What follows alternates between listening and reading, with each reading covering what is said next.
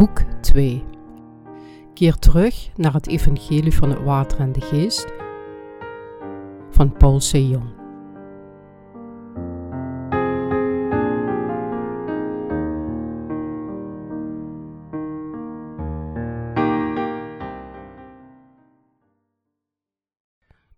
Preek 1 De betekenis van het oorspronkelijke evangelie van de wedergeboorte.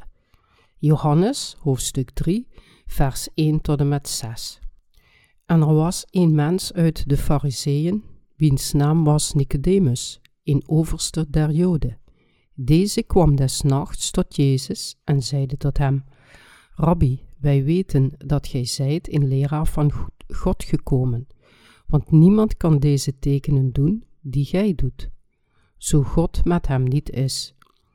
Jezus antwoordde en zeide tot hem: Voorwaar, voorwaar, zeg ik u, tenzij dat iemand wederom geboren worden, hij kan het koninkrijk Gods niet zien. Nicodemus zeide tot hem: Hoe kan een mens geboren worden, nu oud zijnde? Kan hij ook andermaal in zijn moeders buik ingaan en geboren worden? Jezus antwoordde: Voorwaar, voorwaar, zeg ik u. Zo iemand niet geboren wordt uit water en geest, hij kan in het koninkrijk Gods niet ingaan. Hetgeen uit het vlees geboren is, dat is vlees, en hetgeen uit den geest geboren is, dat is geest. Wat is de betekenis van de wedergeboorte volgens de Bijbel? Er zijn veel mensen op deze wereld die wedergeboren willen worden door in Jezus te geloven. Ik wil u eerst vertellen dat de wedergeboorte niet door ons komt. Met andere woorden, het kan niet door onze eigen daden verkregen worden. Is de wedergeboorte verbonden met lichamelijke emotie en verandering? Nee, wedergeboorte is verbonden aan geestelijke verandering. Het is dat de zondaard wedergeboren kan worden als een zondeloos persoon. De meeste christenen hebben deze verkeerde opvatting. Zij geloven dat zij zeker wedergeboren zullen worden, omdat zij veel nieuwe kerken hebben gebouwd, of zichzelf als missionarissen hebben gewijd aan het prediken van Christus onder de vele onbereikte mensen in afgelegen gebieden, of omdat ze niet trouwen en hun hele energie in wat zij geloven dat het werk van God is steken. En dat is nog niet alles. Er zijn ook mensen die grote hoeveelheden geld aan hun kerk doneren of iedere dag de vloer van de kerk vegen. Alles bij elkaar offeren zij hun tijd en bezittingen aan de kerk op. En zij geloven dat al deze inspanningen hun de kroon van het leven zullen opleveren. Zij hopen dat God hun inspanningen zal herkennen en ze de wedergeboorte zal toestaan. Het punt is dat er veel toegewijde mensen zijn die wedergeboren willen zijn. Men vindt ze overal. Ze werken hard terwijl ze hopen dat God hen op een dag zal zegenen en hen de wedergeboorte zal toestaan. Men kan hen vinden in veel verschillende soorten religieuze instellingen, seminaries en sanatoriums. Het is zo jammer dat ze de waarheid over de wedergeboorte niet kennen. Zij denken alleen maar aan hun daden. Als ik dit perfect doe, dan zal ik wedergeboren worden. Zij steken daarom al hun energie in deze werken, omdat ze geloven dat zij de basis vormen die nodig is om wedergeboren te worden, terwijl ze denken: ik zal ook, ik zal ook ooit wedergeboren zijn, net als eerwaarde Wesley. En als ze Johannes 3:8 lezen, dan verklaren ze het vers zo dat niemand kan zeggen waar de zegening van de wedergeboorte vandaan komt of waar het heen gaat. Daarom kunnen ze alleen maar hard werken en hopen dat Jezus hun ooit de wedergeboorte zal toestaan. Veel mensen denken: als ik het zo blijf proberen, dan zal Jezus me ooit toestaan wedergeboren te zijn. Ik zal wedergeboren zijn zonder dat ik me er zelfs bewust van ben.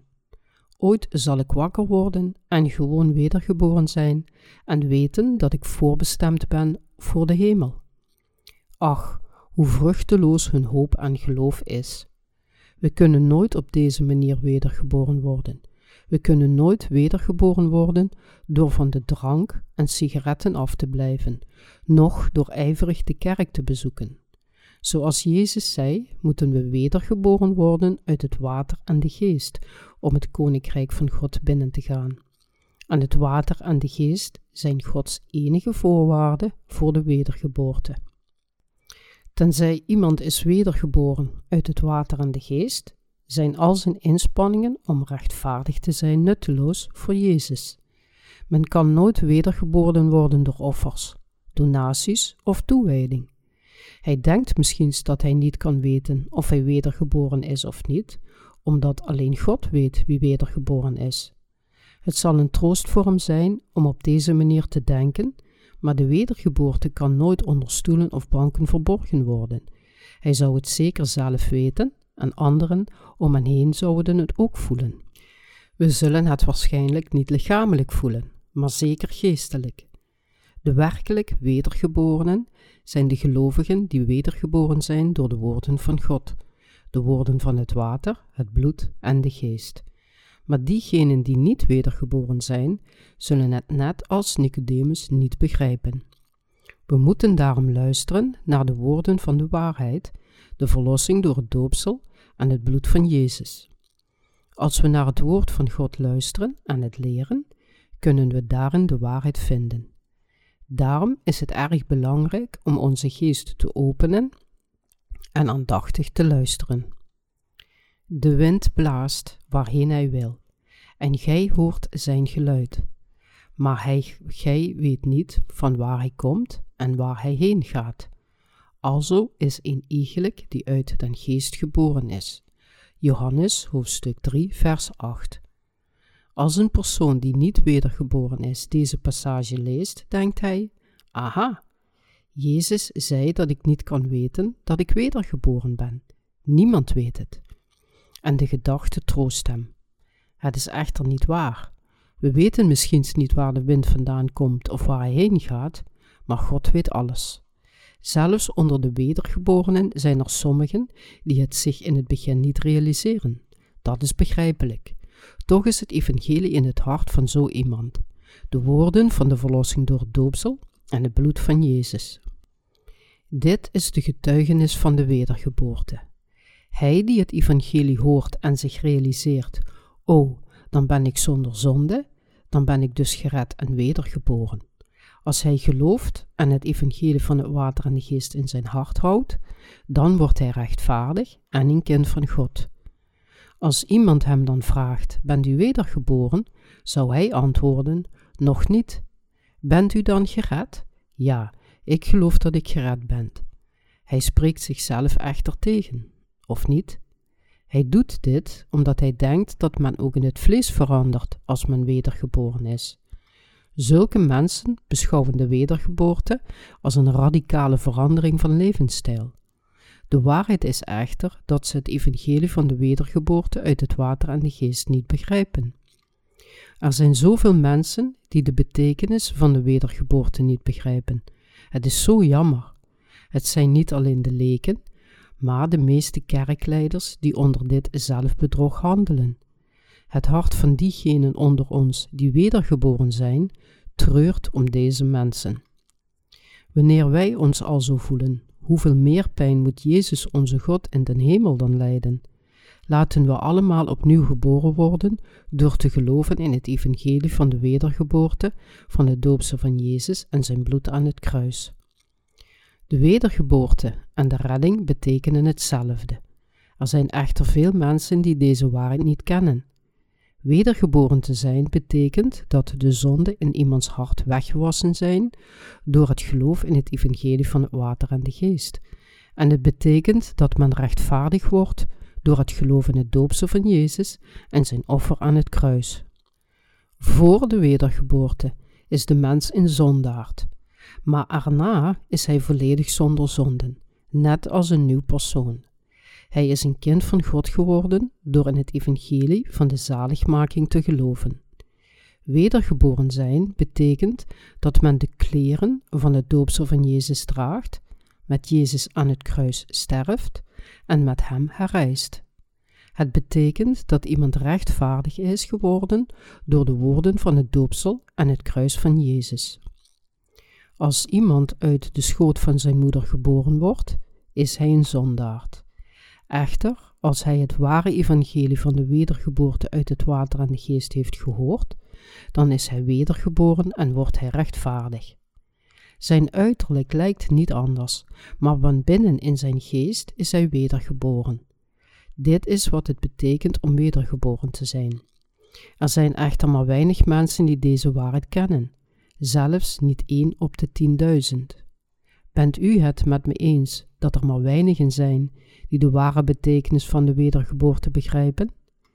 Diegenen die in het evangelie van het water en de geest geloven en die wedergeboren zijn, kunnen de ware wedergeborenen onderscheiden van de gewone christenen. Het is Jezus die de wind beheerst. Wie kan weten wie gered is?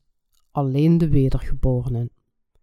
De wind blaast waarheen hij wil, en gij hoort zijn geluid, maar gij weet niet van waar hij komt en waar hij heen gaat.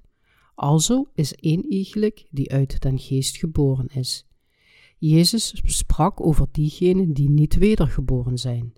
De wedergeborenen weten wat de wedergeboorte is, maar Nicodemus wist dat niet. God weet wie wedergeboren is en de wedergeborenen zelf weten het ook. Echter diegenen die niet wedergeboren zijn, weten niet hoe iemand wedergeboren kan worden, net zoals zij niet weten waar de wind vandaan komt en waar het heen gaat. Kunt u dit begrijpen? Wie beweegt de wind? Dat doet God. Wie schiep de wind? Dat deed God in de hemel. Wie beheerst het klimaat op aarde? Leidt de wind en het water? En wie ademt leven in alle levende wezens? Met andere woorden, wie schiep alle leven in deze wereld en liet het gedijen? Het was niemand minder dan Jezus Christus en Jezus is God. Als we de woorden van het evangelie van het water, het bloed en de geest niet kennen, kunnen we niet wedergeboren worden en we kunnen anderen ook niet spiritueel onderwijzen. Jezus zei ons dat niemand wedergeboren kan worden, tenzij hij is geboren uit het water en de geest. We moeten in het evangelie van het water en de geest geloven, het krachtige evangelie dat ons wedergeboren maakt. De geest komt in de gedachten van iedereen die in het evangelie van het water en de geest gelooft en hij verblijft daar. Jezus Christus werd gedoopt om alle zonden van de mensheid weg te nemen en hij bloedde aan het kruis om voor deze zonden te betalen. Hij heeft de zaligmaking van de wedergeborenen geleidelijk ingeprent in het hart van de hele mensheid. Als we in dit evangelie geloven, komt, komt de geest onze ziel binnen. Dit is de zaligmaking van de wedergeboorte. Als we in het wegwassen van alle zonden geloven, door het doopsel van Jezus en zijn bloed, zijn we werkelijk wedergeboren. In Genesis hoofdstuk 1 vers 2 staat geschreven, de aarde nu was woest en ledig, en duisternis was op den afgrond, en de geest Gods zweefde op de wateren. Er staat geschreven dat de geest van God op de wateren zweefde. De geest van God bewoog zich over het aardoppervlak. Het betekent dat de geest de harten van zondaars niet kan binnengaan. Het hart van iemand die niet wedergeboren is, is chaotisch. Het is gevuld met duisternis van de zonde. De geest van God kan daarom niet in zijn hart aanwezig zijn. God zond het licht van zijn evangelie om de harten van de zondaars te verlichten. God zei: Daar zij licht. En het werd licht. Dan en alleen dan kan de geest van God in de harten van alle mensen wonen. In de harten van diegenen die in het evangelie van het water en de geest geloven, is daarom de geest van God aanwezig. Dit is de betekenis van hun wedergeboorte. Zij zijn wedergeboren in hun hart omdat zij luisteren naar de woorden van de zaligmaking van het water en de geest en zij geloven erin. Hoe kan iemand wedergeboren zijn? Jezus legde het aan Nicodemus, de fariseer, uit door te zeggen, tenzij dat iemand wederom geboren wordt, hij kan het koninkrijk Gods niet zien. Nicodemus zei, hoe kunnen we wedergeboren worden uit het water en de geest? Kunnen we weer uit de schoot van onze moeder komen en weer geboren worden? Het was duidelijk dat hij het letterlijk opvatte en niet kon achterhalen hoe iemand opnieuw geboren kon worden. En Jezus zei tot hem: U bent een leraar en u weet niet eens wat het betekent.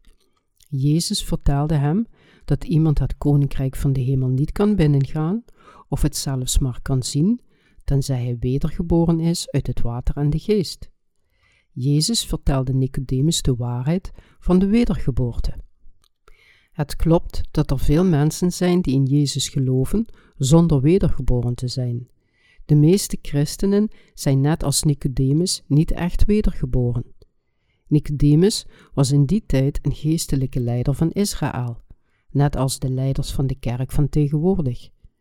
Hij is te vergelijken met wat tegenwoordig een lid van de overheid is. Volgens religieuze standaards was hij een leraar, een rabbijn van de Hebreeën. Hij was een religieus leider van de Joden. Hij was ook een groot geleerde. In die tijd in Israël waren er geen instellingen die men met de scholen van tegenwoordig kan vergelijken. Dus gingen alle mensen naar de tempel of de synagoge om onder de geleerden te leren. Zij waren de leraren van het volk. Net als tegenwoordig waren er toen ook veel valse leraren, en zij onderwezen de mensen zonder zelf wedergeboren te zijn. Tegenwoordig zijn er zoveel religieuze leiders, kerkdienaren, leraren, predikers, ouderlingen en diakens die niet zijn wedergeboren. Net als Nicodemus kennen zij niet de waarheid van de wedergeboorte. Veel denken zelfs dat we een tweede keer in de schoot van onze moeder moeten gaan om wedergeboren te worden. Zij weten dat zij wedergeboren moeten worden, maar ze weten niet hoe. En door een onwetendheid zijn hun instructies gebaseerd op hun eigen persoonlijke gevoelens en ervaringen, zoals een blinde die een olifant met zijn handen voelt. Zij preken wereldlijke waarden in de kerk, en hierdoor worden veel mensen gehinderd in hun wedergeboorte. De wedergeboorte heeft niets met onze goede daden te maken. We zijn wedergeboren door het geloof in de woorden van het water, het bloed en de geest die God ons gaf. Het is Gods evangelie dat ons van een zondaard in een rechtvaardig persoon laat veranderen. Jezus sprak deze woorden: Indien ik u lieden de aardse dingen gezegd heb, en gij niet gelooft, hoe zult gij geloven indien ik u lieden de hemelse zou zeggen? En inderdaad, de mensen geloofden Jezus niet toen hij hun de waarheid vertelde dat de verzoening voor al onze zonden door zijn doopsel vervuld was. Wat geloofden zij niet? Zij geloofden niet dat hun verlossing mogelijk was gemaakt door het doopsel van Jezus en zijn dood aan het kruis. Dit is wat hij bedoelde toen hij zei dat de mensen hem niet zouden geloven als hij hen over de hemelse dingen zou vertellen. Om ons van al onze zonden te reinigen, werd Jezus door Johannes de Doper gedoopt en stierf hij aan het kruis, waarna hij van de dood herrees om de weg voor te bereiden, zodat de zondaars wedergeboren konden worden. Daarom legde Jezus het aan Nicodemus uit door het Oude Testament te citeren. En niemand is opgevaren in den hemel die, dan die uit den hemel nedergekomen is, namelijk de Zoon des Mensen die in den hemel is. En gelijk Mozes de slang in de woestijn omhoog heeft, alzo moet de Zoon des Mensen verhoogd worden, opdat een iegelijk die in hem gelooft, niet verderven, maar het eeuwige leven hebben. Johannes hoofdstuk 3, vers 13 tot en met 15. Zoals Mozes de slang in de woestijn verhoogde, zo moet ook de Zoon van de mensen verhoogd worden, om iedereen die in hem gelooft het eeuwige leven toe te staan. Wat bedoelde Jezus toen hij zei: En gelijk Mozes de slang in de woestijn verhoogd heeft, alzo moet de Zoon des mensen verhoogd worden. Hij citeerde deze passage van het Oude Testament om te illustreren hoe zijn doopsel en bloed de verzoening voor alle zonden van de mensen zou brengen. Jezus moest eerst alle zonden van de wereld wegnemen door van Johannes de Doper gedoopt te worden, om aan het kruis te sterven en om verhoogd te worden. Omdat Jezus zonder zonde was, kon hij niet aan het kruis gekruisigd worden. Hij moest door Johannes de Doper gedoopt worden en dus alle zonden van de mensheid op zich nemen om gekruisigd te worden. Slechts door onze zonden op zich te nemen en er met zijn bloed voor te betalen, kon hij alle zondaars van de verdoemenis redden. Jezus gaf ons de zaligmaking van de wedergeboorte uit het water en de geest. Diegenen die in Jezus als hun verlosser geloven, dragen daarom de kleren van zijn doopsel, sterven met hem en zijn met hem wedergeboren. Later ging Nicodemus dit begrijpen. Toen de slang werd verhoogd. Waarom werd Jezus gekruisigd? Omdat hij alle zonden door zijn doopsel wegnam. Kent u het verhaal van hoe Mozes de bronzen slang in de woestijn verhoogde? Het verhaal staat geschreven in Numeri, hoofdstuk 21. Er staat dat de zielen van de Israëlieten erg ontmoedig raakten na de exodus van Egypte, waardoor ze God en Mozes gingen tegenspreken. De Heer zond hierdoor vurige slangen onder de mensen die hun tenten binnengingen en hun beten en doden. Nadat ze gebeten waren, begonnen hun lichamen op te zwellen en velen stierven. Toen de mensen begonnen te sterven, bad Mozes, hun leider tot God: Heer, red ons alstublieft. God zei hem dat hij een vurige slang van brons moest maken en het op een paal moest zetten. Hij zei hem dat iedereen die ernaar zou kijken, zou leven. Mozes deed wat hem gezegd werd en maakte Gods woorden bekend aan het volk. Iedereen die in zijn woorden geloofde en naar de bronzen slang opkeek, werd genezen. Op dezelfde wijze moeten wij genezen worden van de giftige beten van de duivel. Het volk van Israël luisterde naar Mozes en keek op naar de bronzen slang op de paal en werd op die manier genezen. De openbaring van de slang aan de paal was dat de verdoemenis voor alle zonden van de mensheid op Jezus Christus gebracht was door zijn doopsel en dood aan het kruis. Hij nam het op zich om de straf voor de zonden van alle zondaars in de wereld te betalen. Al dus beëindigde hij alle straf voor onze zonden. Jezus Christus kwam naar deze wereld om alle mensen te redden die voorbestemd waren om te sterven aan het vergif van de slang, de verleidingen van Satan. Om voor al onze zonden te betalen, moest hij gedoopt worden en aan het kruis sterven omdat hij uit de dood opstond om diegenen te redden die in hem geloofden.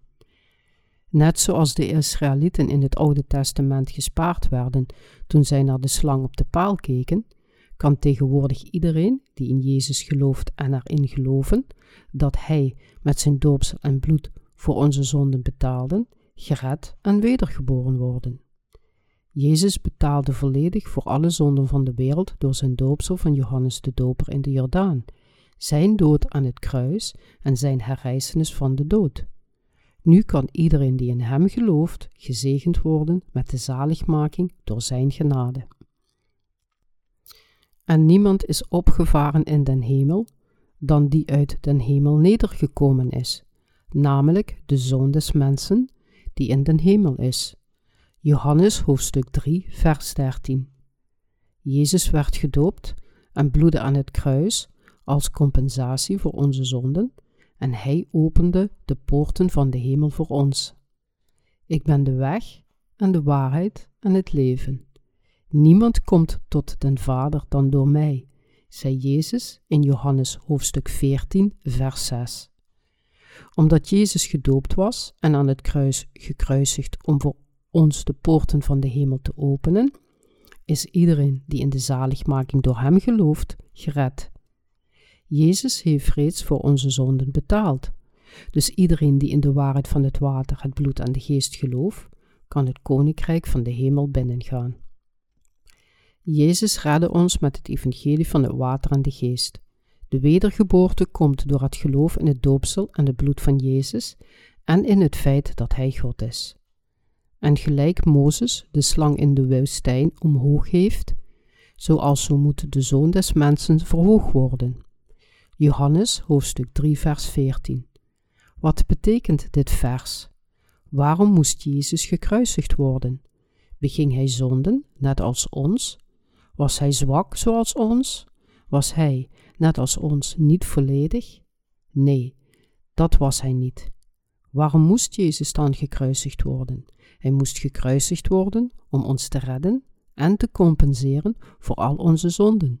Hij werd gedoopt en gekruisigd om ons allemaal van al onze zonden te bevrijden. Dit is de waarheid van de zaligmaking, van de wedergeboorte uit het water en de geest. Jezus geeft nieuw leven aan iedereen die in zijn doopsel en zijn dood aan het kruis gelooft, wat de compensatie voor onze zonden was. De betekenis van het water en de geest. Wat wordt er bedoeld met het water en de geest? Water betekent het doopsel van Jezus en de geest dat Hij God is. De Bijbel vertelt ons dat we, als we in het doopsel van Jezus en zijn bloed aan het kruis geloven, wedergeboren zijn. We kunnen Gods kinderen worden, wedergeboren zijn, door de geschreven woorden van God, het evangelie van het water, het bloed en de geest, dat de compensatie is voor onze zonden. Volgens de Bijbel betekent het water het doopsel van Jezus. 1 Petrus, hoofdstuk 3, vers 21. En de geest betekent dat Jezus God is. En dit is de waarheid van het wedergeboren worden, dat Jezus naar deze wereld kwam in het vlees van de mens, om voor onze zonden te betalen door zijn doopsel en bloed. Hij nam al onze zonden weg door zijn doopsel en hij betaalde het loon van de zonden door aan het kruis te sterven. Door gedoopt te worden en aan het kruis te bloeden, redde hij iedereen die in hem gelooft. We moeten ons realiseren dat het doopsel en het bloed van Jezus onze zaligmaking vertegenwoordigen, omdat zij ons van onze zonden redden. Alleen diegenen die wedergeboren zijn uit het water en de geest kunnen het koninkrijk van de hemel zien en naar binnen gaan. Jezus redde ons met het water van zijn doopsel, zijn bloed en de geest. Gelooft u hierin?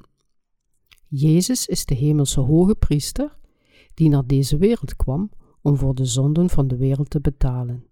Hij werd gedoopt, bloedde aan het kruis en herrees waardoor hij de verlosser werd voor iedereen die in hem gelooft. Jezus zei in Johannes hoofdstuk 10 vers 7, Ik ben de deur der schapen. Jezus staat aan de deur van de hemel. Wie opent de deur voor ons? Het is Jezus Christus. Hij wendt zijn gezicht af van diegenen die in hem geloven zonder de waarheid van zijn zaligmaking te kennen. Hij staat diegenen die niet in zijn doopsel, bloed en de geest geloven, niet toe om wedergeboren te worden. Hij wendt zijn gezicht af van iedereen die niet in zijn geschreven woord gelooft, die zijn heiligheid weigert te accepteren en die hem niet als God erkent. Iedereen die weigert in de geschreven waarheid te geloven dat hij in het vlees naar deze wereld kwam, gedoopt werd en aan het kruis stierf om voor alle zonden van de wereld te compenseren, dat hij aan het kruis stierf om het oordeel voor ons te ontvangen, dat hij op de derde dag na de kruisiging herrees, wordt door hem verworpen en zal ten onder gaan. Er staat geschreven: De bezoldiging van de zonde is de dood. Diegenen die echter in de zegening van de verlossing door zijn doopsel en bloed geloven, diegenen die in hun hart heilig zijn geworden, mogen het koninkrijk van de hemel binnengaan. Dit is het ware evangelie van de wedergeborenen. Het evangelie dat tot ons kwam door het water, het bloed en de geest. Wedergeboren te zijn uit het water en de geest is het hemelse evangelie. Alleen diegenen die in het doopsel en het bloed van Jezus geloven, kunnen wedergeboren worden. Diegenen die het evangelie van het water en het bloed en de geest geloven, zijn zonder zonden. Het zijn diegenen die werkelijk wedergeboren zijn. Maar tegenwoordig geloven de meeste mensen in Jezus zonder het ware evangelie te kennen, net zoals Nicodemus zich niet bewust was van de waarheid. Wat een oprecht lid van de samenleving was Nicodemus. Hij hoorde echter het ware evangelie van Jezus, en later toen Jezus gekruisigd was, was hij diegene die zijn lichaam kwam begraven. Tegen die tijd was Nicodemus volledig gaan geloven. Er zijn tegenwoordig zoveel mensen onder ons die de waarheid over het water en de geest van Jezus niet kennen. Bovendien zijn er zoveel mensen die de waarheid niet accepteren als ze de kans krijgen om het ware evangelie te horen. Het is zo jammer. Jezus maakte het voor ons allemaal mogelijk om wedergeboren te worden. Wat maakte ons wedergeboren? Het was het water, het bloed en de geest. Jezus nam onze zonden weg toen hij gedoopt werd. Hij stierf aan het kruis en hij rees daarna van de dood. En hij gaf iedereen die in hem gelooft de zegening van de wedergeboorte. Jezus is de Verlosser die iedereen die in hem gelooft toestaat om wedergeboren te worden. Bid dat u altijd met Jezus zult zijn, degene die de hemel en de aarde en alle dingen ertussen schiep. Johannes hoofdstuk 3 vers 16 zegt, opdat een iegelijk die in hem gelooft niet verderven, maar het eeuwige leven hebben. We hebben het eeuwige leven verdiend door in Jezus te geloven. We zijn wedergeboren door in het water en de geest te geloven.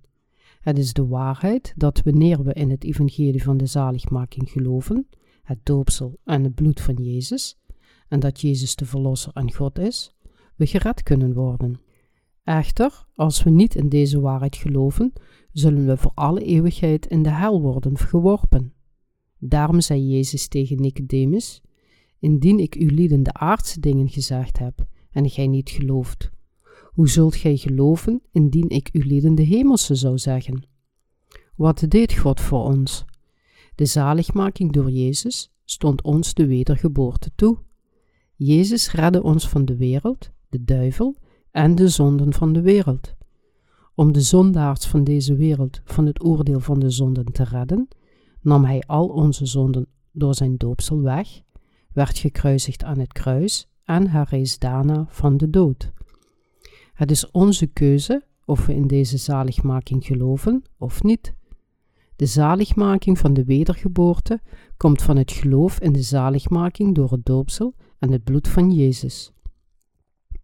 Men zegt dat er twee zegeningen zijn die God ons heeft gegeven. Eén daarvan is de zegen die alle dingen van de natuur omvat, inclusief de zon en de lucht. Dit staat bekend als de algemene zegen, omdat het aan iedereen wordt gegeven, of men een zondaard is of een rechtvaardige. Wat is dan deze bijzondere zegen? De bijzondere zegen is de wedergeboorte uit het water en de geest, die alle zondaars van de dood voor hun zonden redt. De bijzondere zegen. Wat is de bijzondere zegen van God? Dat Hij ons wedergeboren maakte door zijn doopsel, kruisiging en herrijzenis. In Johannes hoofdstuk 3 vers 16 staat geschreven, Want al zo lief heeft God de wereld gehad, dat Hij zijn enige geboren Zoon gegeven heeft, opdat een iegelijk die in Hem gelooft niet verderven, maar het eeuwige leven hebben. Dit beschrijft de bijzondere zegening van God. Jezus daalde naar deze wereld af in het vlees van een mens en waste al onze zonden weg voor ons gedoopt en gekruisigd te worden. Dit is de bijzondere zegen van God, de waarheid dat we van alle zonden gered zijn. Het is een feit dat Jezus ons redde en ons van zondaars en rechtvaardigden veranderde. U kunt de bijzondere zegen van God ontvangen door gewoon in deze waarheid te geloven. Gelooft u hierin? Al uw geloof zou nutteloos zijn als u deze bijzondere zegen van God weigert, ongeacht hoe getrouw u uw hele leven hebt geleefd. Ik predik de hele tijd en ik heb nooit vergeten om te prediken dat het geloof in het doopsel van Jezus en zijn kruis de enige manier is om wedergeboren te worden. Ieder boek van de Bijbel openbaart dat de zegening van de wedergeboorte door Jezus, de bijzondere zegening van God, is waar we over praten. Er is niets dat de zegen van God beter illustreert dan de zaligmaking van de zondaars door het doopsel van Jezus en zijn kruisiging. Het doopsel van Jezus en zijn kruisiging zijn de bijzondere zegeningen van God. De valse predikers in deze wereld hebben niets hierover te zeggen. Deze valse predikers verschijnen in de kleding van de engelen van het licht, gewapend met de moraal van het christendom en de mensheid.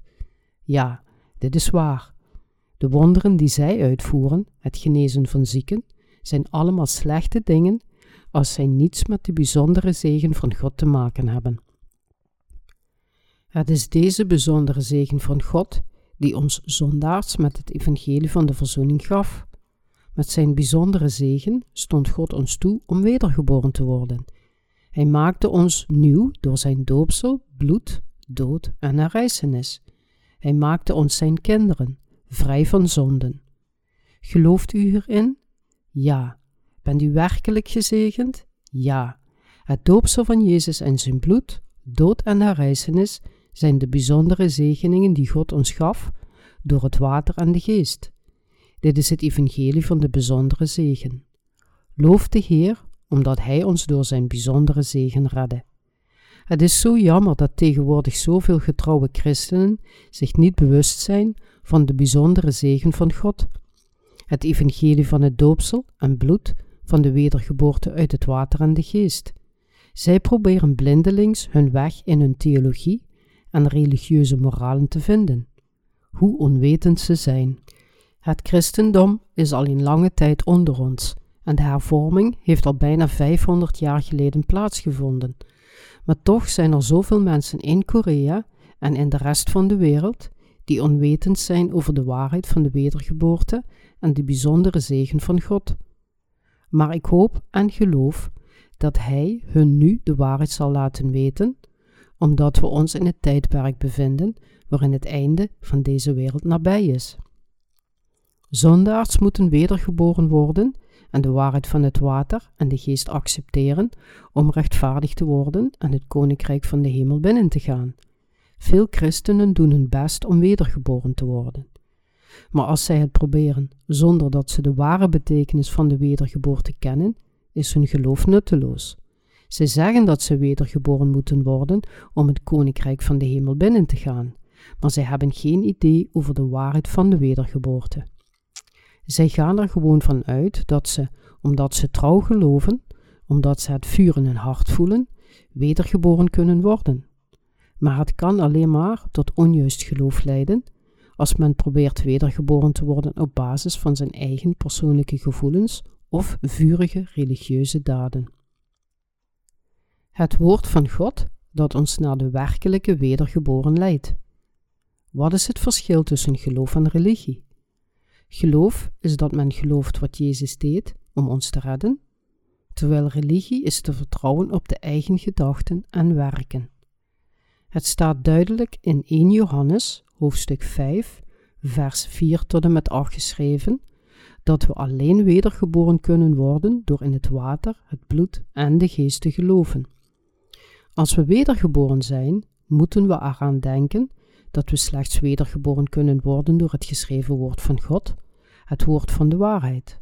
We moeten weten dat de visioenen, het spreken in tongen of sensationele ervaringen ons nooit naar de wedergeboorte kan leiden. Jezus zei in Johannes hoofdstuk 3 dat men het koninkrijk van de hemel niet kan binnengaan, tenzij men wedergeboren is uit het water en de geest. Om opnieuw wedergeboren te worden, moet men over het algemeen tweemaal in Jezus geloven. Ten eerste heeft men de neiging om op religieuze wijze in Jezus te geloven en zijn zonden te erkennen door de wet van God. De eerste keer dat iemand in Jezus gelooft, is het door de wet van God en het besef wat voor een verschrikkelijke zonderd hij eigenlijk is. We zouden niet volgens een van de vele religies van deze wereld in Jezus moeten geloven. Het christendom is geen religie. Het is de enige manier om het eeuwige leven door geloof te verkrijgen. Iedereen die in Jezus gelooft als een religie, zal uiteindelijk met lege handen achterblijven. Hij zal achterblijven met een hart vol zonden, chaos en leegte. Is dat niet waar? U zou niet willen eindigen als een hypocriet, net zoals de Fariseeën in de Bijbel. Iedereen wil een wedergeboren christen worden. Echter, als iemand in het christendom gelooft als een religie, zal hij eindigen als een hypocriet met een hart vol zonden. We moeten de waarheid van de wedergeboorte leren kennen. Iedereen die in het christendom als een religie gelooft, zonder wedergeboren te zijn, zal zeker eindigen met verwarring en leegte in zijn hart. Iemand die in Jezus gelooft, maar niet is wedergeboren, heeft een onjuist geloof. Daarom wordt hij onecht en doet hij hard zijn best om heilig te zijn voor iedereen, maar hij faalt jammerlijk. Zolang u in het christendom als een religie gelooft, zult u altijd een zondaard zijn, een hypocriet, en u zult uw leven leiden terwijl u over uw zonden treurt. Als u van uw zonden verlost wilt worden, moet u in de geschreven waarheid, het evangelie van het water en het bloed en de geest, geloven. Het ontdekken van het geheim van de verlossing door het doopsel van Jezus. Wat maakt ons wedergeboren? Het doopsel van Jezus, zijn dood aan het kruis en zijn herrijzenis. De Bijbel vertelt ons dat iedereen wedergeboren kan worden door het woord van God dat nooit verandert. Laten we nu eens kijken naar de woorden van de apostel Petrus in 1 Petrus, hoofdstuk 3, vers 21, waarvan het tegenbeeld, de doop, ons nu ook behoudt. In de Bijbel staat geschreven dat het doopsel van Jezus het tegenbeeld is dat ons behoudt. Iedereen die in Jezus gelooft, moet weten dat het niet over ons eigen doopsel, maar het doopsel van Jezus gaat. Het doopsel van Jezus geeft de zondaars een nieuw leven.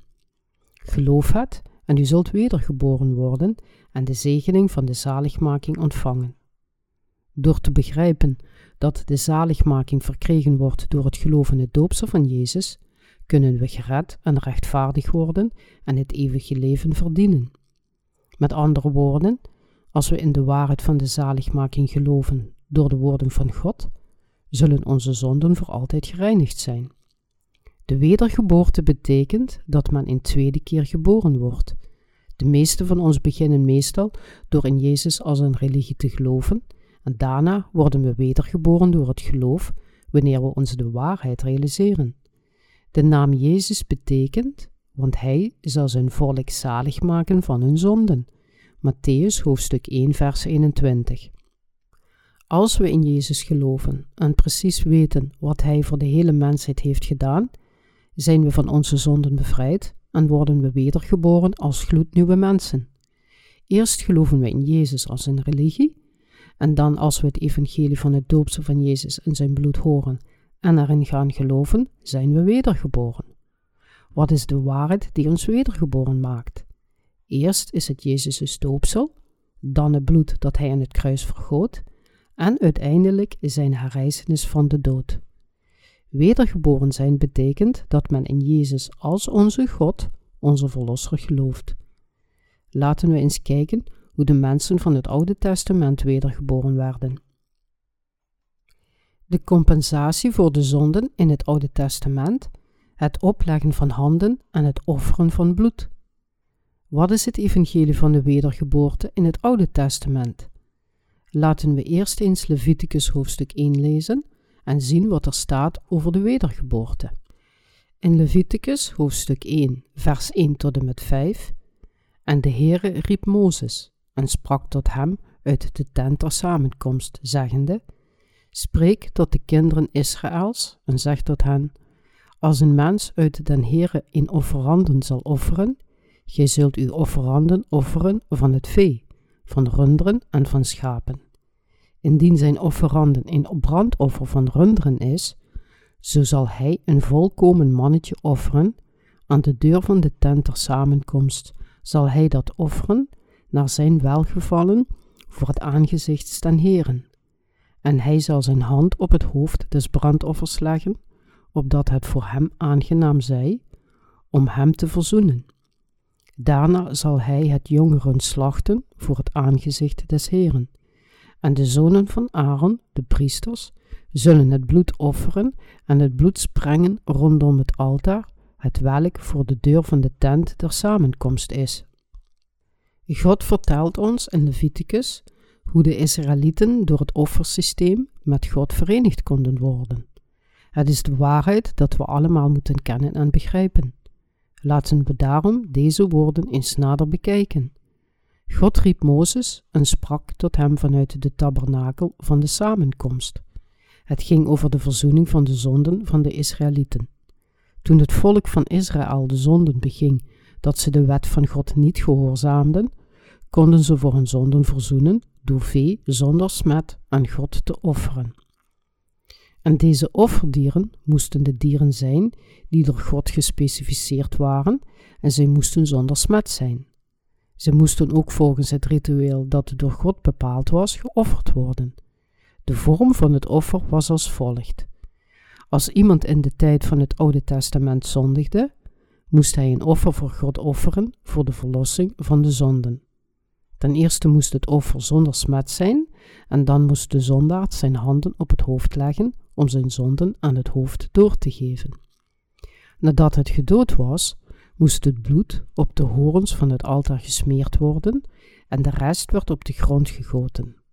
Dit is het ritueel van het heilige tabernakel dat God zijn volk had gegeven als de zegening van de verlossing. De wet en de geboden van God bestaan uit 613 artikelen die omschrijven wat zij moesten doen of niet mochten doen. God gaf de wet en zijn geboden aan het volk van Israël. Alhoewel het volk wist dat de wet en de geboden van God goed waren, konden ze er niet naar leven omdat iedereen geboren was met twaalf soorten zonden die men van Adam geërfd had. Zij verloren daarom de mogelijkheid om rechtvaardig te handelen voor God. De Israëlieten verloren hun vermogen om rechtvaardig te worden. Zij konden het niet verhelpen dat ze zonden begingen, ook al probeerden ze hard om vrij van zonden te blijven. Het is het lot van de hele mensheid om als zondaards geboren te worden en te sterven. God gaf zijn volk in zijn eindeloze genade echter het offeringssysteem waarmee zij voor hun zonden konden verzoenen. Hij voorzag het ritueel van de heilige tabernakel, zodat het volk van Israël en alle mensen van de wereld voor hun zonden verzoend konden worden. Hij openbaarde door het offeringssysteem zijn rechtvaardige liefde voor alle mensen. Hij toonde de wereld de weg naar de zaligmaking. God gaf de mensen het offeringssysteem en gaf het huis van Levi de bevoegdheid tot de dienst van het offeren. Onder de twaalf stammen van Israël was alleen het huis van Levi bevoegd om de offerdienst te verzorgen voor het volk van Israël. Mozes en Aaron waren van het huis van Levi. En de Bijbel vermeldt de wetten en voorschriften die het offer van de heilige tabernakel beheersen, het evangelie van de verzoening voor het opleggen van handen. We kunnen zelf wedergeboren worden als we het offersysteem van de Levieten werkelijk begrijpen.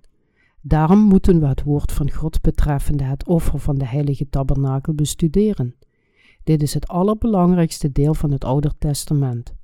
Uiteindelijk, als we bij het Nieuwe Testament aankomen, hebben we de zegeningen van de wedergeboorte door het water en de geest. De verzoening voor de zonden in het Oude Testament. Wat zijn Gods eigenschappen? Gerechtigheid en liefde. God riep Mozes van het huis van Levi naar de heilige tabernakel van de samenkomst en wijde zijn broer Aaron tot hoge priester. Aaron moest de zonden van het volk aan het zondeoffer doorgeven. Daarom zei God tot Mozes, zoals geschreven staat in Leviticus hoofdstuk 1 vers 2, Spreek tot de kinderen Israëls en zeg tot hen, als een mens uit u den Heeren in offeranden zal offeren, gij zult uw offeranden offeren van het vee, van runderen en van schapen. God duidt hier de zondeoffers aan. Als iemand om verzoening voor zijn zonden zocht, moest hij een stier of een schaap van zijn kudde aanbieden. God zei hen ook, indien zijn offerande een brandoffer van runderen is, zo zal hij een volkomen mannetje offeren, aan de deur van de tent ter samenkomst zal hij dat offeren, naar zijn welgevallen voor het aangezicht des Heren. Leviticus hoofdstuk 1 vers 3 Het offer werd door God geaccepteerd in plaats van het leven van de persoon die eigenlijk voor zijn zonden moest sterven.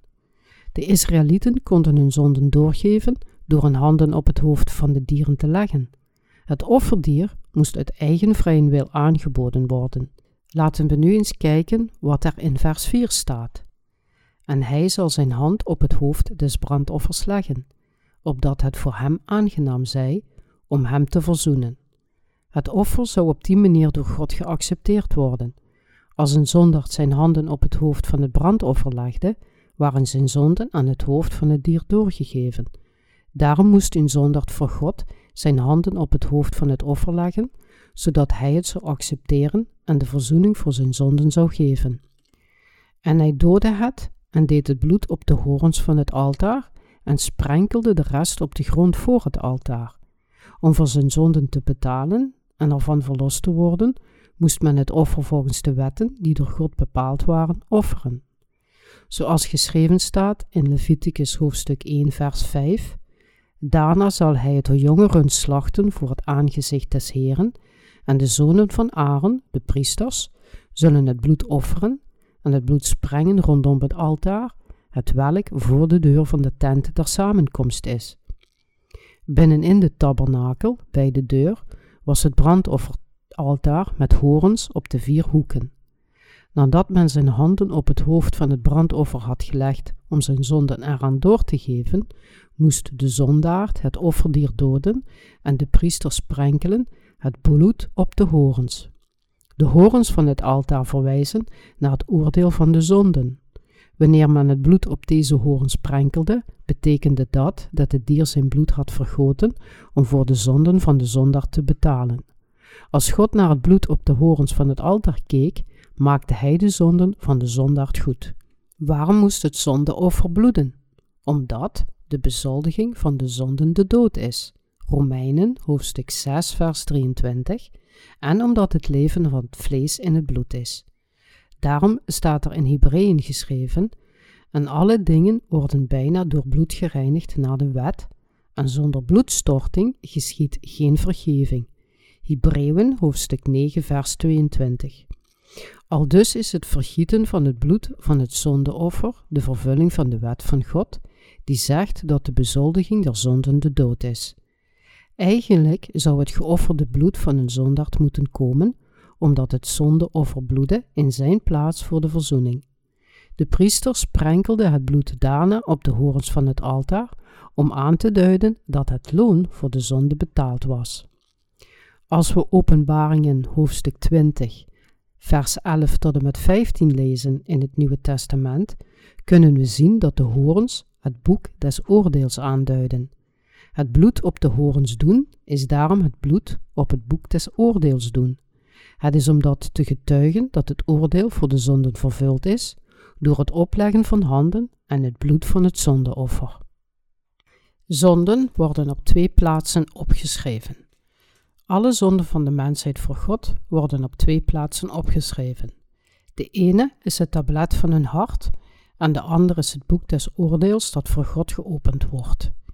In Jeremia hoofdstuk 17 vers 1 staat geschreven: De zonde van Juda is geschreven met een ijzeren griffie met de punt in diamant, gegraven in de tafel van hun liederhart en aan de hoornen uw altaren. In Leviticus hoofdstuk 17, vers 11 staat: Want de ziel van het vlees is in het bloed. Het bloed is het leven van het vlees, en men kan alleen met dit bloed voor onze zonden betalen. Daarom moest het bloed op de horens van het altaar gesprenkeld worden. Volgens de wet worden bijna alle dingen met bloed gereinigd, en zonder het vergieten van bloed is er geen verlossing. Hebreeën hoofdstuk 9, vers 22. Dan zal hij het brandoffer de huid aftrekken, het in zijn stukken delen. En de zonen van Aaron, den priester, zullen vuur maken op het altaar en zullen het hout op het vuur schikken. Ook zullen de zonen van Aaron de priesters, de stukken, het hoofd en het smeer schikken op het hout dat op het vuur is, het welk op het altaar is. Doch zijn ingewand en zijn schenkelen zal men met water wassen en de priester zal dat alles aansteken op het altaar.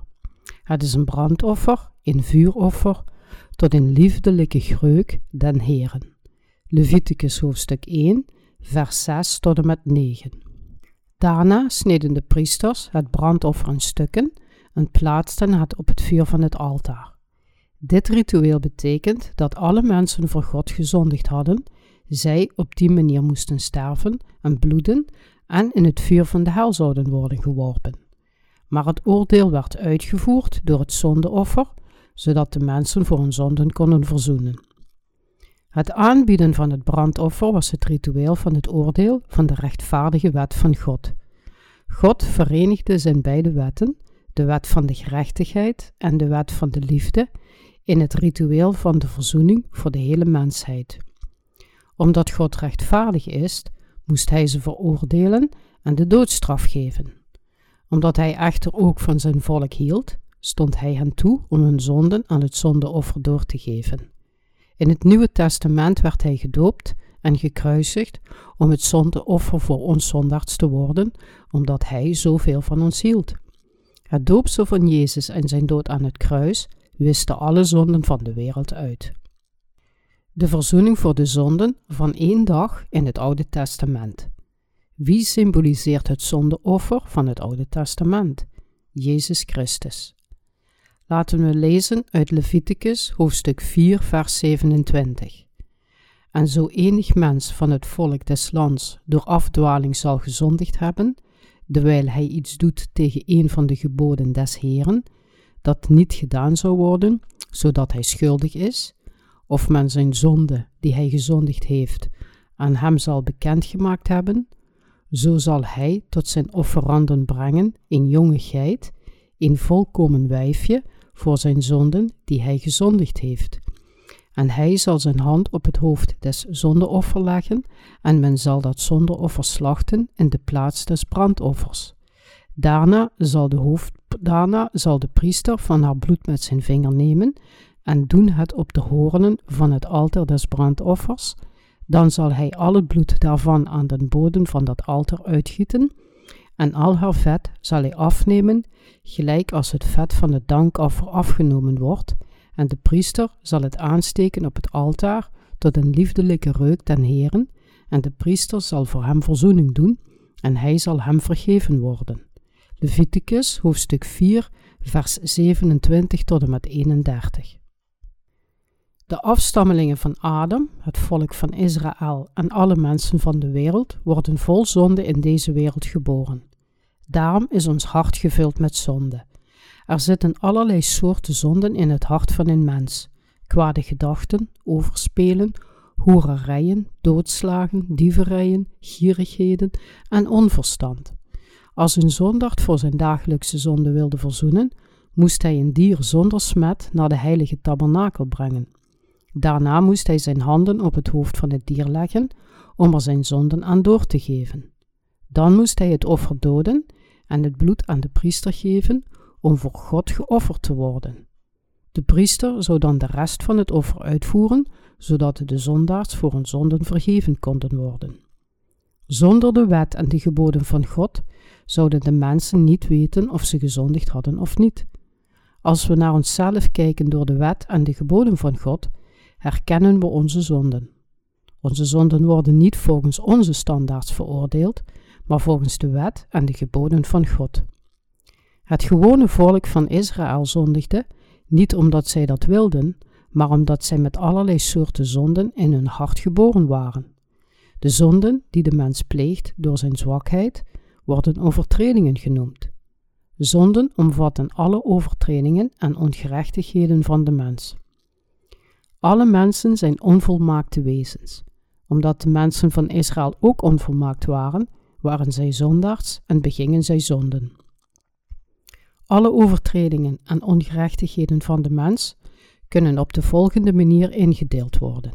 Als we kwade gedachten hebben, dan worden zij zonden genoemd, en als we ze uitvoeren, dan zijn het overtredingen. De zonden van de wereld bevatten ze allebei. In het Oude Testament werden zonden aan het hoofd van het zondeoffer doorgegeven door het opleggen van handen. Naderhand was de zondaard zonder zonden en hoefde daarom niet voor zijn zonden te sterven. Het offeringssysteem is dus het tegenbeeld van het gerechte oordeel en de liefde van God. Omdat God ons uit de aarde schiep, waren we in het begin slechts stof. Men moest het bloed op de horens van het altaar sprenkelen en de rest op de grond van het altaar gieten, omdat dit betekent dat de Israëlieten voor hun zonden hadden verzoend en alle zonden op het tablet in hun hart waren uitgewist.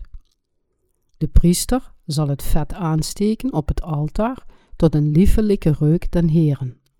Het vet in de Bijbel betekent de Heilige Geest. Daarom moeten we onze zonden verzoenen op de manier die God heeft verordend. We moeten ook de verzoening voor onze zonden in ons hart opnemen op de manier die God juist acht. God zei tegen het volk van Israël dat de zondeoffers een lam, geit of rund moesten zijn. De zondeoffers in het Oude Testament waren de uitverkorenen. Het kalf is een rein dier. Het zondeoffer moest zonder smet zijn, omdat het Jezus Christus, die verwekt werd door de Heilige Geest om het zondeoffer voor de hele mensheid te worden, openbaarde. De mensen in het Oude Testament gaven hun zonden door door hun handen op het hoofd van het onbesmette zondeoffer te leggen. De priesters werkten het offer om voor hun zonden te verzoenen verder af. Zo verzoende het volk van Israël voor hun zonden. Het ritueel van de grote verzoendag. Waarom moest het volk van Israël het offer op de grote verzoendag aanbieden? Omdat zij tot hun dood bleven zondigen? Dagelijkse zondeoffers konden hen niet heiligen voor God. Maar omdat ze elke keer als ze een zonde begingen een offer moesten brengen, was het onmogelijk om alle offers te brengen die ze nodig hadden om voor hun zonden te verzoenen. Dus geleidelijk aan werden ze nalatig. Het leek een eindeloze taak om elke dag voor hun zonden te verzoenen, en zij kregen het gevoel dat ze dit ritueel beter helemaal konden afschaffen. Hoe hard we ook ons best doen, we kunnen nooit genoeg offers offeren voor al onze zonden. Daarom moet de ware compensatie voor onze zonden door ons oprechte geloof in de wet van de zaligmaking die God voor ons heeft voorbereid komen. We worden ons alleen maar meer bewust van onze onvolmaaktheid en zwakheid als we proberen om volgens de wet van God te leven. Daarom gaf God het volk van Israël een manier om in één keer voor al de zonden van een heel jaar te verzoenen. Leviticus hoofdstuk 16, vers 17 tot en met 22. Er staat geschreven: En dit zal voor u tot een eeuwige inzetting zijn. Gij zult in de zevende maand, op ten tiende der maand, uw zielen verootmoedigen en geen werk doen. Inboorlingen of vreemdeling, die in het midden van u als een vreemdeling verkeert.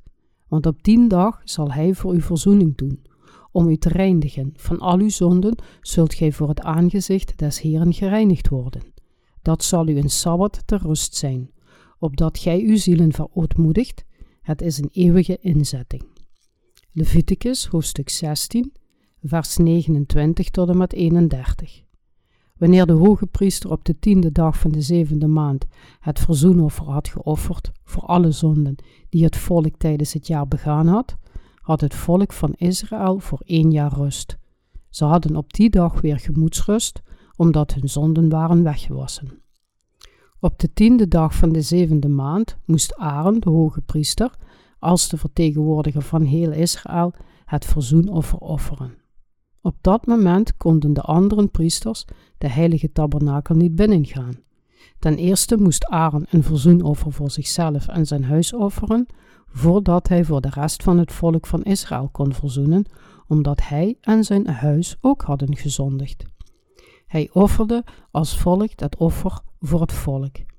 Hij zal ook beide bokken nemen, en hij zal die stellen voor het aangezicht ten Heren aan de deur van de tent der samenkomst, en Aaron zal de loten over die twee bokken werpen, één lot voor den Heere en één lot voor de weggaande bok.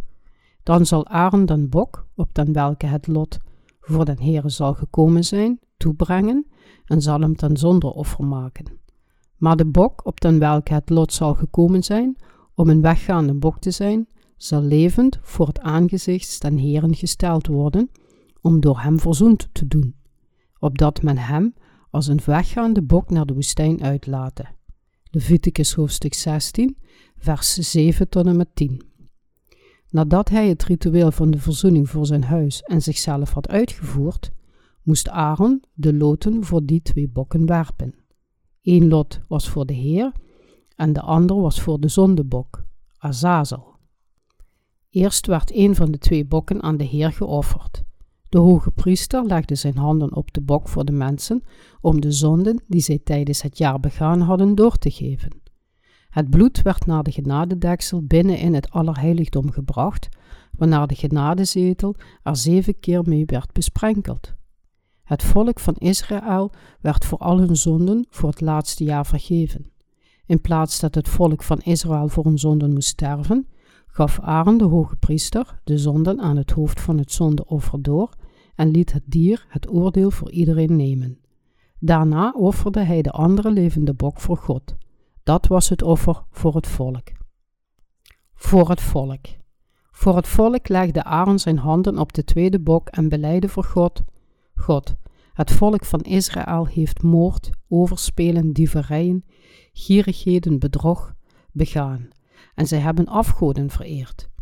Ze hebben zich niet aan de heilige Sabbat gehouden. Ze hebben uw naam misbruikt en ze hebben alle artikelen van uw wetten en geboden gebroken. Daarna trok hij zijn handen terug. Hiermee waren alle zonden van het volk van het hele jaar aan het zondeoffer doorgegeven. Laat ons Leviticus hoofdstuk 16, 21 lezen. En Aaron zal beide zijn handen op het hoofd den levenden bok leggen, en zal daarop al de ongerechtigheden der kinderen Israëls en al hun overtredingen na al hun zonden beleiden, en hij zal die op het hoofd des boks leggen, en zal hem door de hand in mans, die voorhanden is, naar de woestijn uitlaten. De zondebok zou door de woestijn inlopen en met de zonden van het volk van Israël op zijn hoofd sterven. De zondebok, Azazel, in het Hebreeuws betekent vernietigen. Het betekent dat het zondeoffer voor de Heer werd verworpen, in plaats van het hele volk van Israël. De zonden van Israël waren nu doorgegeven aan de zondenbok door het opleggen van Aarons handen. Op deze manier werden de Israëlieten voor hun zonden vergeven.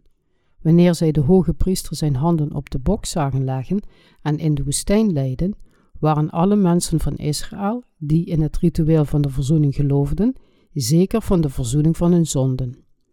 Alle rituelen van het Oude Testament waren het tegenbeeld van het evangelie van de wedergeboorte van het Nieuwe Testament. In het Oude Testament was het opleggen van handen en het bloed van het offer het evangelie van de zaligmaking van de zonde. Het blijft in principe hetzelfde in het Nieuwe Testament. Het evangelie van de verlossing in het Nieuwe Testament. Hoe werden in het Nieuwe Testament alle zonden van de mensen goed gemaakt? In Matthäus hoofdstuk 1, vers 21 tot en met 25 staat geschreven: En zij zal een zoon baren en gij zult zijn naam heten Jezus, want hij zal zijn volk zalig maken van hun zonden. En dit alles is geschied, opdat vervuld zou worden hetgeen van den Heere gesproken is door den profeet zeggende, ziet, de maagd zal zwanger worden en een zoon baren, en gij zult zijn naam heten Emmanuel, het welk is overgezet zijnde, God met ons. Jozef dan opgewekt zijnde van den slaap, deed gelijk den engel des Heerens hem bevolen had, en heeft zijn vrouw tot zich genomen, en bekende haar niet totdat zij deze haar eerstgeborene zoon gebaar had, en heette zijn naam Jezus. Onze Heer Jezus daalde naar deze wereld af in de naam van Immanuel om de hele mensheid van de zonden te redden. Daarom werd hij Jezus genoemd. Jezus kwam om alle zonden van de mensheid weg te nemen. Hij kwam in de gedaante van een mens om de verlosser van de mensheid te worden. Hij vervulde onze zaligmaking en bevrijdde ons voor altijd van de zonde. Het evangelie van de wedergeboorte. En hoe verloste Jezus ons van al onze zonden? Hij deed dit door zijn doopsel. Laten we eens naar Matthäus hoofdstuk 3, vers 13 kijken. Toen kwam Jezus van Galilea naar de Jordaan tot Johannes, om van hem gedoopt te worden. Doch Johannes weigerde hem zeer, zeggende: Mij is nodig van u gedoopt te worden, en komt gij tot wij? Maar Jezus antwoordende zeide tot hem: Laat nu af, want aldus betaamt ons alle gerechtigheid te vervullen. Toen liet hij van hem af, en Jezus doopte, zijnde, is terstond opgeklommen uit het water, en ziet, de hemelen werden hem geopend. En hij zag den geest Gods nederdalen, gelijk in duiven, en op hem komen en ziet een stem uit de hemel zeggende, Deze is mijn zoon, mijn geliefde, in den welke ik mijn welbehagen heb. Matthäus hoofdstuk 3, vers 13 tot en met 17.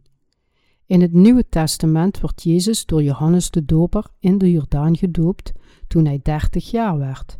Hij werd door hem gedoopt en nam de zonden van alle zondaars weg. Door dit te doen vervulde hij de gerechtigheid van God. Waarom werd Jezus in de Jordaan gedoopt? Wat wordt er in het evangelie geopenbaard? De gerechtigheid van God. Laten we nu eens kijken naar het verhaal waar de hemelse hoge priester, de laatste hoge priester van de mensheid, elkaar ontmoeten.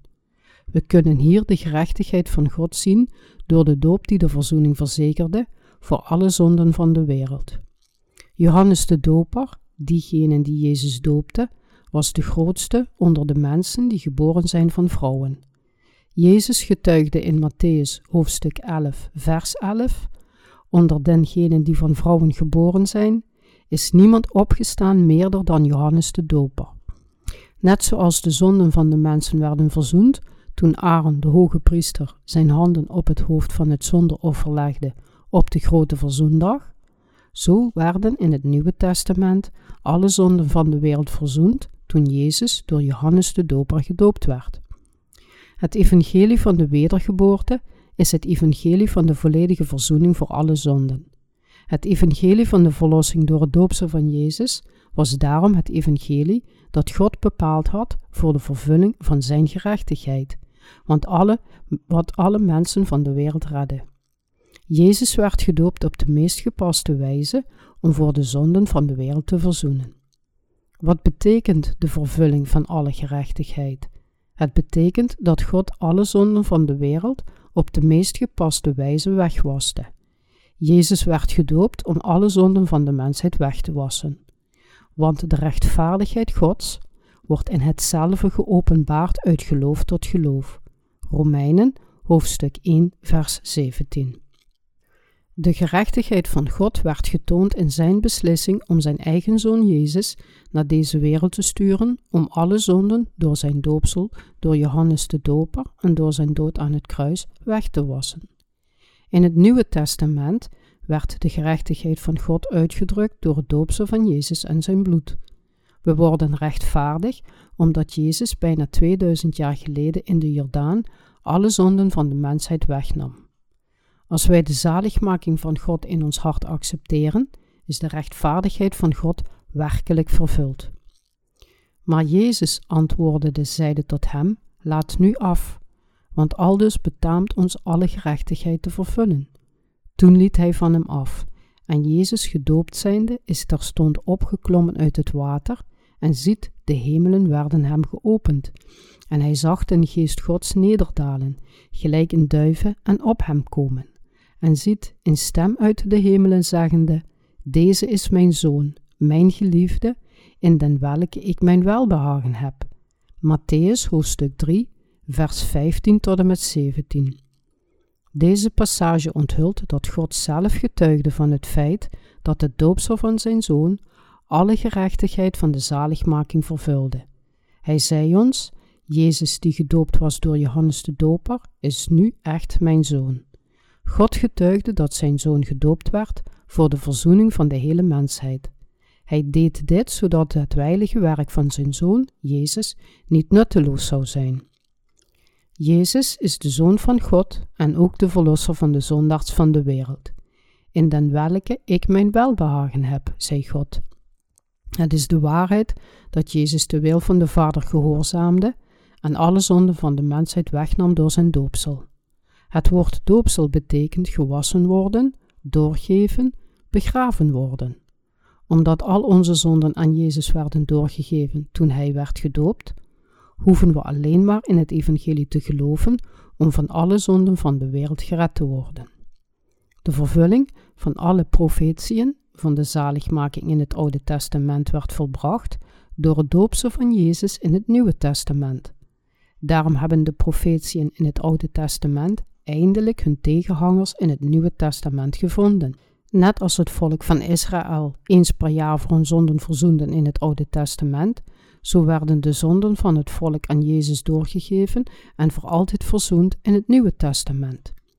Leviticus hoofdstuk 16 vers 29 is het tegenbeeld van Matthäus hoofdstuk 3 vers 15. Jezus werd gedoopt om alle zonden van de wereld weg te nemen. Dankzij zijn doopsel is iedereen gered die in zijn eeuwige vergeving van de zonden gelooft. Alle zonden werden uit de tabletten van hun harten gewist. Als u in uw hart niet in de waarheid van het doopsel van Jezus en zijn bloed aan het kruis gelooft en erkent, kunt u nooit van uw zonden gereinigd worden, hoe vroom u ook leeft. Alleen door het doopsel van Jezus is het woord van God vervuld en zijn onze zonden uitgewist. De ware zaligmaking wordt verkregen door de verlossing van al onze zonden, met andere woorden, door het doopsel van Jezus. Wat gaat u met dit in gedachten doen? Zult u deze zaligmaking in uw hart accepteren of niet? Dit is niet het woord van de mens, maar dat van God zelf. Jezus stierf aan het kruis omdat hij al onze zonden door zijn doopsel had weggenomen. Bent u het ermee eens dat de kruisiging van Jezus het resultaat was van zijn doopsel? In Romeinen hoofdstuk 8, vers 3 en 4 staat: Want hetgeen der wet onmogelijk was, dewijl zij door het vlees krachteloos was, heeft God zijn zoon zendende in gelijkheid des zondigen vleeses, en dat voor de zonde, de zonden veroordeeld in het vlees, opdat het recht der wet vervuld zou worden in ons, die niet naar het vlees wandelen, maar naar den geest. Omdat de mens zich door de zwakheid van zijn vlees niet aan de wet en de geboden van God kan houden, nam Jezus alle zonden van het vlees weg door ze op zichzelf te nemen. Dit is de waarheid van het doopsel van Jezus. Het doopsel van Jezus voorzag zijn dood aan het kruis. Dit is de wijsheid van het oorspronkelijke evangelie van God.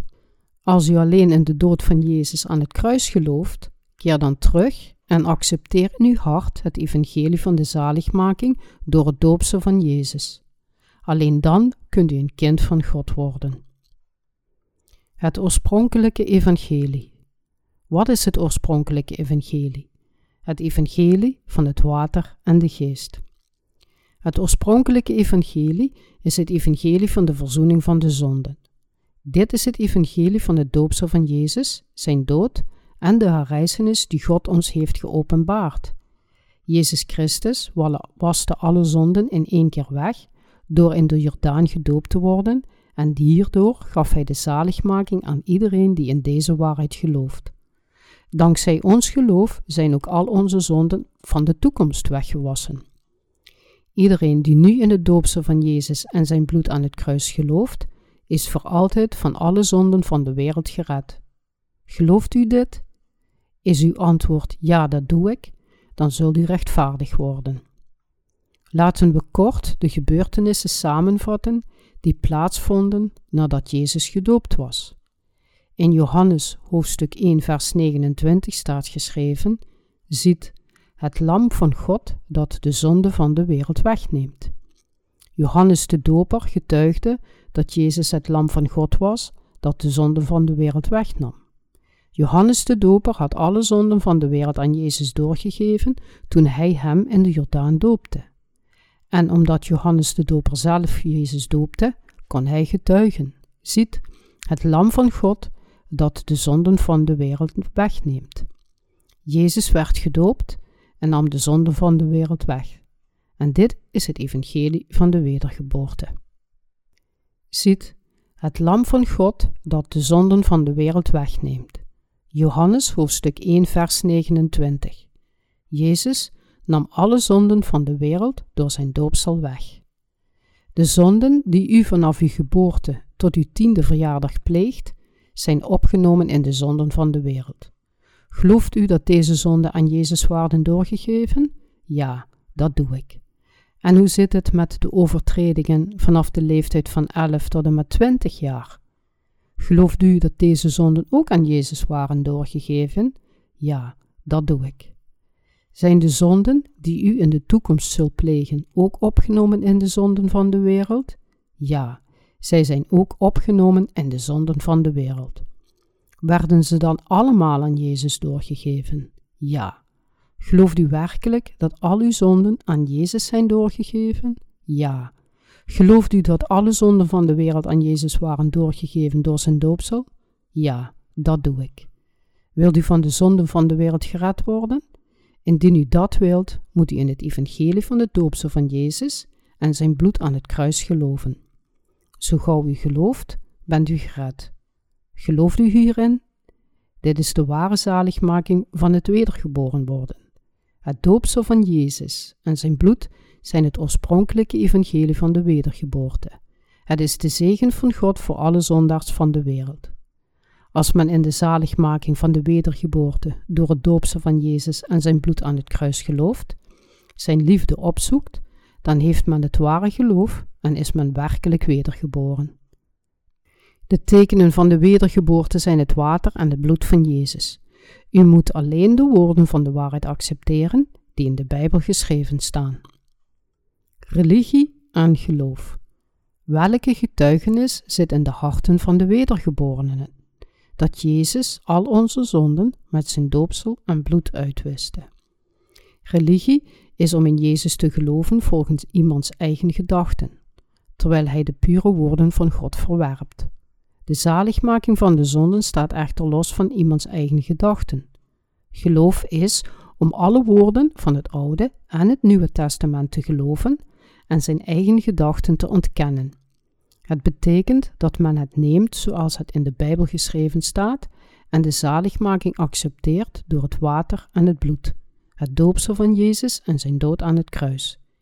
Iemand kan gered worden door de wijsheid van het oorspronkelijke evangelie in zijn hart te nemen. Zonder het doopsel van Jezus is er geen doorgave van onze zonden en zonder het vergieten van bloed is er geen verlossing van de zonden. Al onze zonden werden aan Jezus doorgegeven voordat Hij ze naar het kruis nam en voor ons bloed vergoot. Als wij in het doopsel van Jezus en zijn bloed aan het kruis geloven, in de wedergeboorte door het evangelie, worden wij vrij van alle zonden van de wereld. Het ware geloof is om te geloven dat Jezus Christus ons volledig van al onze zonden reinigde toen Hij gedoopt werd. Het is om te geloven dat Hij het oordeel van al onze zonden aan het kruis droeg. We moeten geloven in de rechtvaardige zaligmaking van God. God hield zoveel van de mens dat Hij ons gered heeft door het doopsel van Jezus en zijn bloed aan het kruis. Als we in dit evangelie geloven, zijn we van al onze zonden gered, verlost van het oordeel en worden we rechtvaardig voor God. Heer, ik geloof. Ik verdien de zaligmaking niet, maar ik geloof in het evangelie van het doopsel van Jezus, zijn kruisiging en herrijzenis. We hoeven de Heer alleen maar te danken voor de zegen van het evangelie van de wedergeboorte. Het is het ware geloof om in het oorspronkelijke evangelie van de wedergeboorte te geloven. De waarheid van de wedergeboorte is als volgt. Zo is dan het geloof uit het gehoor, en het gehoor door het woord Gods. Romeinen hoofdstuk 10, vers 17. En zult de waarheid verstaan, en de waarheid zal u vrijmaken. Johannes hoofdstuk 8, vers 32. We moeten de waarheid precies kennen en we moeten in het water, het bloed en de geest geloven die ervan getuigen. 1 Johannes hoofdstuk 5, vers 5 tot en met 8. De waarheid zal u vrijmaken. Dit zijn de woorden van Jezus over het water en het bloed. Bent u verlost? Zijn wij de religieuzen of de gelovigen? Jezus wil alleen diegenen die in het evangelie van de wedergeboorte uit het water en de geest geloven. Als u in het evangelie van de doopsel van Jezus en zijn bloed gelooft, bent u zonder zonden in uw hart. Als u echter in Jezus als een religie gelooft, heeft u nog altijd zonden in uw hart, omdat u niet het volledige geloof in de zaligmaking van Jezus heeft. Religieuze mensen proberen de verlossing van hun zonden te verkrijgen door iedere keer berouwvol te bidden. Zo kunnen zij nooit volledig van hun zonden gered worden. Zelfs als zij tijdens hun hele leven berouw toonden, kan dit nooit de volledige verlossing van de zonden vervangen door het doopsel van Jezus en zijn dood aan het kruis. Laten we gered worden door in het evangelie van Jezus te geloven, dat alle zonden van de wereld wegwaste, zelfs die van de toekomst. Ik zal u nogmaals vertellen dat het nooit het evangelie van de wedergeboorte kan vervangen als men iedere dag brouw toont. Alle christenen zouden nu in de verlossing van de zonden door het evangelie van de wedergeboorte moeten geloven. We kunnen nooit al onze zonden beleiden. Vals berouw kan iemand niet naar God leiden. Het troost alleen zijn ziel. Vals berouw is een eenzijdige beleidenis die nooit rekening houdt met Gods wil. Dit is niet iets wat God van ons verwacht.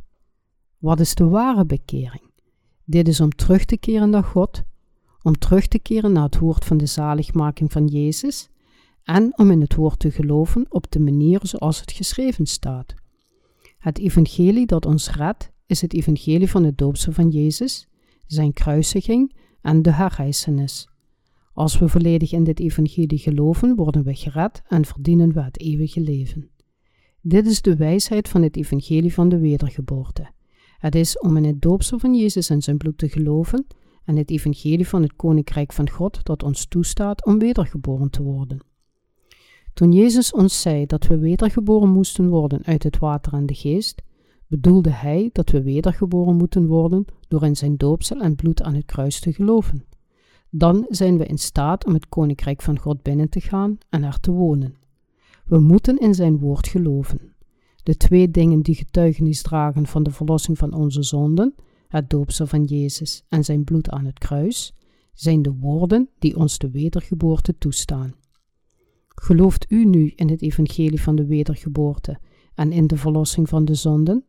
Het geloof in het doopsel van Jezus en zijn bloed aan het kruis redt ons van alle zonden van de wereld. We kunnen wedergeboren worden van dit geloof.